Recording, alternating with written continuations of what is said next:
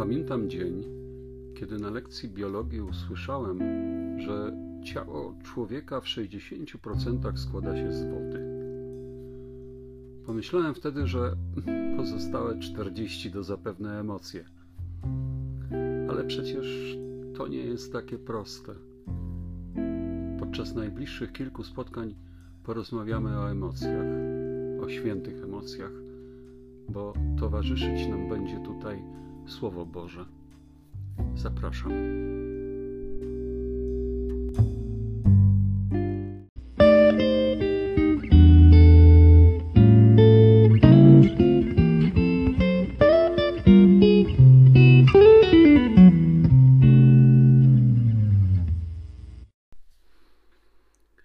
List do Efezjan, rozdział drugi, wiersze od 1 do 10.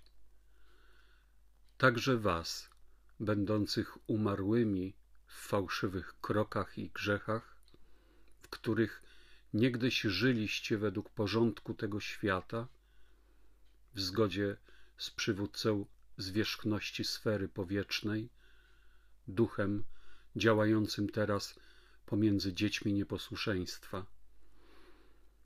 Wśród nich i my wszyscy niegdyś byliśmy, chodząc w pożądaniach naszej cielesnej natury, czyniąc wolę ciała wewnętrznego i umysłu, oraz byliśmy z natury dziećmi zapalczywości, tak jak i pozostali. Ale Bóg, co jest bogaty w miłosierdzie przez swoją wielką miłość, którą nas umiłował i nas, będących umarłymi w fałszywych krokach, ożywił razem z Chrystusem, bowiem łaską jesteście ocaleni od śmierci. Pomógł też dźwignąć i w niebiosach razem posadził w Chrystusie Jezusie, by w nadchodzących czasach w dobrotliwości dla nas okazać niezmierne bogactwo Jego łaski w Jezusie Chrystusie. Gdyż jesteście zbawieni łaską z powodu wiary. I to nie z was. Boga to dar. Nie z uczynków, aby się ktoś nie chlubił. Ponieważ jesteśmy Jego dziełem i w Chrystusie Jezusie zostaliśmy stworzeni dla szlachetnych uczynków, które Bóg wcześniej przygotował, abyśmy w nich żyli.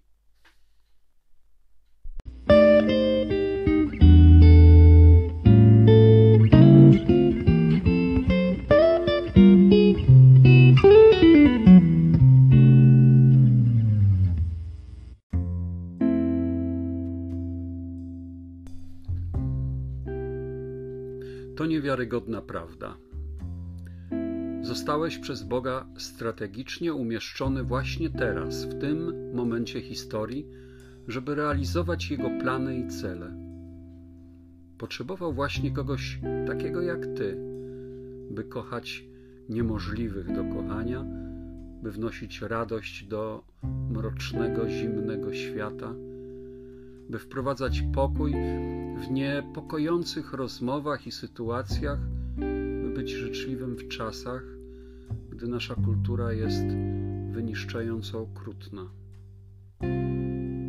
Bóg, Stwórca Wszechświata, potrzebował właśnie kogoś takiego jak Ty, kto nieustannie pozostawałby optymistą w obliczu frustrujących okoliczności, kto miałby nadzieję, gdy nie ma już powodów do nadziei i kto by okazywał cierpliwość upartym i prostackim ludziom.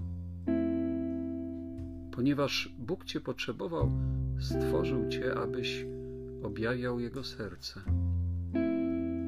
Problem polega na tym, że jako Jego dzieci nabyliśmy zbyt wiele cech genetycznych należących do tego świata, a porzuciliśmy hojnie nadane atrybuty Boga, naszego kochającego Ojca. Problem polega na tym, że wolimy żyć na swój, a nie na Jego sposób. Problem tkwi w tym, że wolimy raczej przeżywać emocje związane ze swoim egoistycznym postrzeganiem sytuacji, niż wydać smaczne, pyszne owoce. Zostaliśmy stworzeni przez Boga, aby objawić Jego serce w tym szczególnym momencie dziejów.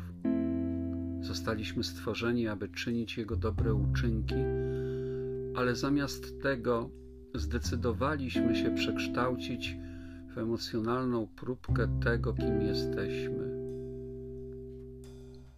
kim mieliśmy być. Bóg stworzył nas, ponieważ na ziemi brakowało boskości. Dlatego posłał Ciebie i dlatego posłał mnie. Pan jednak objawi siebie przez nas tylko na tyle, na ile pozwolimy Mu wypełnić każdy zakamarek naszego serca i życia. Wspaniała i zapierająca dech prawda jest taka, że możesz mieć tyle Boga, ile tylko zapragniesz. Pytanie nigdy nie zmieniło się od czasów rajskiego ogrodu aż do dzisiaj.